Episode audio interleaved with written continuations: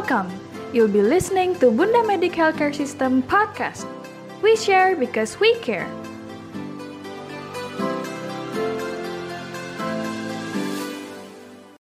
Halo podcast listeners, selamat datang di podcast BMHS bersama saya, Dr. Dali. Kali ini pada episode ini kita akan membahas mengenai GERD atau gastroesophageal reflux disease. Jadi GERD ini merupakan suatu kondisi di mana terjadi uh, kenaikan atau reflux cairan dari isi lambung ke dalam kerongkongan atau kerongga mulut bahkan.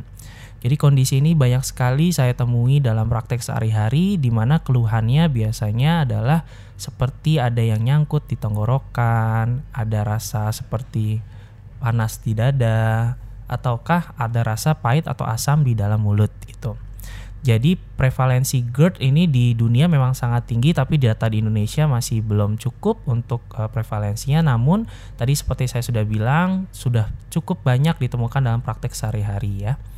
Jadi uh, kita harus tahu dari penyebab GERD. Jadi GERD itu tadi yang sudah saya bilang ada kondisi yang tidak normal di mana cairan asam lambung itu mengalami reflux atau naik sehingga masuk ke dalam esophagus dan menyebabkan gejala. Jadi secara uh, umum sebetulnya GERD itu terjadi akibat ketidakseimbangan antara faktor pertahanan uh, per saluran pencernaan kita dengan faktor ofensif dari uh, saluran pencernaan kita yang merupakan salah satu faktor uh, pertahanan dari uh, saluran pencernaan kita atau antara lain adalah permukaan dari esofagus dan sphincter yang ada di antara kerongkongan dan lambung. Namun ada beberapa kondisi tertentu yang menyebabkan sphincter itu menjadi melemah seperti penggunaan obat-obatan, makanan, faktor hormonal atau ada kelainan anatomi sehingga dari melemahnya sphincter tersebut cairan dari isi lambung itu bisa naik ke kerongkongan kapan pun. Dan faktor penyebab lain ya dari GERD itu adalah terjadinya peningkatan dari tekanan di dalam perut sehingga isi dari cairan lambung bisa naik ke dalam esofagus atau kerongkongan. Adapun beberapa keadaan yang dapat mempengaruhi tekanan di dalam perut yang meningkat antara lain misalkan pasien hamil, obesitas atau berat badan berlebih atau jika kita menggunakan pakaian yang terlalu ketat. Beberapa tanda dan gejala yang khas dari GERD itu adalah regurgitasi dan heartburn. Di sini regurgitasi merupakan keadaan uh, yang merupakan sesaat setelah makan ditandai dengan rasa asam dan pahit di lidah atau ada rasa uh, maka uh, benda yang nyangkut di dalam uh, tenggorokan. Sedangkan heartburn itu merupakan suatu rasa seperti uh, terbakar di daerah ulu hati yang terasa seperti nyeri dan pedih. Dalam bahasa awam, biasanya heartburn dikenal dengan istilah rasa panas di ulu hati hingga uh, terasa di dada.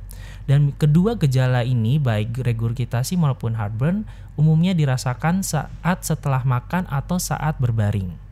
Adapun gejala lain dari GERD antara lain itu merupakan kembung, mual, cepat kenyang, bersendawa, hipersalivasi atau uh, terjadinya produksi air liur yang berlebihan, sulit menelan ataupun nyeri saat menelan.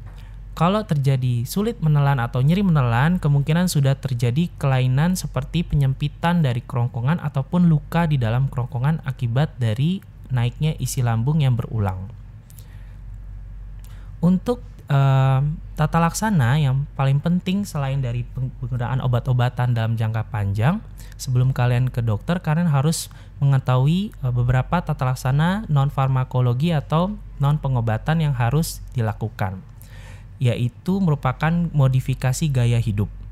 Jadi modifikasi gaya hidup itu merupakan pengaturan pola hidup yang dilakukan dengan yang pertama menurunkan berat badan bila penderita obesitas atau tetap menjaga berat badan sesuai dengan indeks massa tubuh atau berat badan yang ideal.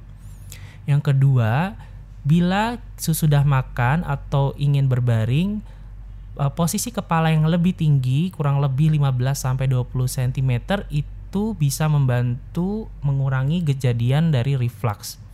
Dan tidak kalah penting setelah makan malam atau makan besar, sebaiknya tidak langsung tidur atau berbaring minimal sekitar 2 sampai 3 jam sebelum tidur uh, sebaiknya dalam posisi yang uh, tegak atau uh, tidak berbaring. Dan makanan-makanan yang dapat merangsang GERD itu seperti coklat atau makanan-makanan asam, pedas, berlemak, dan minuman-minuman yang mengandung kafein dan alkohol. Merokok itu juga dapat menyebabkan GERD sehingga pada pasien perokok yang mengalami GERD tentu perokok harus di stop. Jadi uh, beberapa tips yang tadi sudah saya berikan itu tetap harus dikerjakan sepanjang umur hidup Anda selain Anda meminum dari obat-obatan yang diberikan oleh dokter. Untuk obat-obatan yang biasa diberikan itu adalah obat-obatan yang dapat mengurangi produksi asam lambung. Tentunya untuk dosis dan e, cara minumnya tentu harus dikonsultasikan dengan dokter Anda. Jadi sekian dari uh, saya untuk pembahasan mengenai kondisi GERD. Jangan lupa untuk selalu mendengarkan BMHS Podcast pada episode selanjutnya dan sampai jumpa.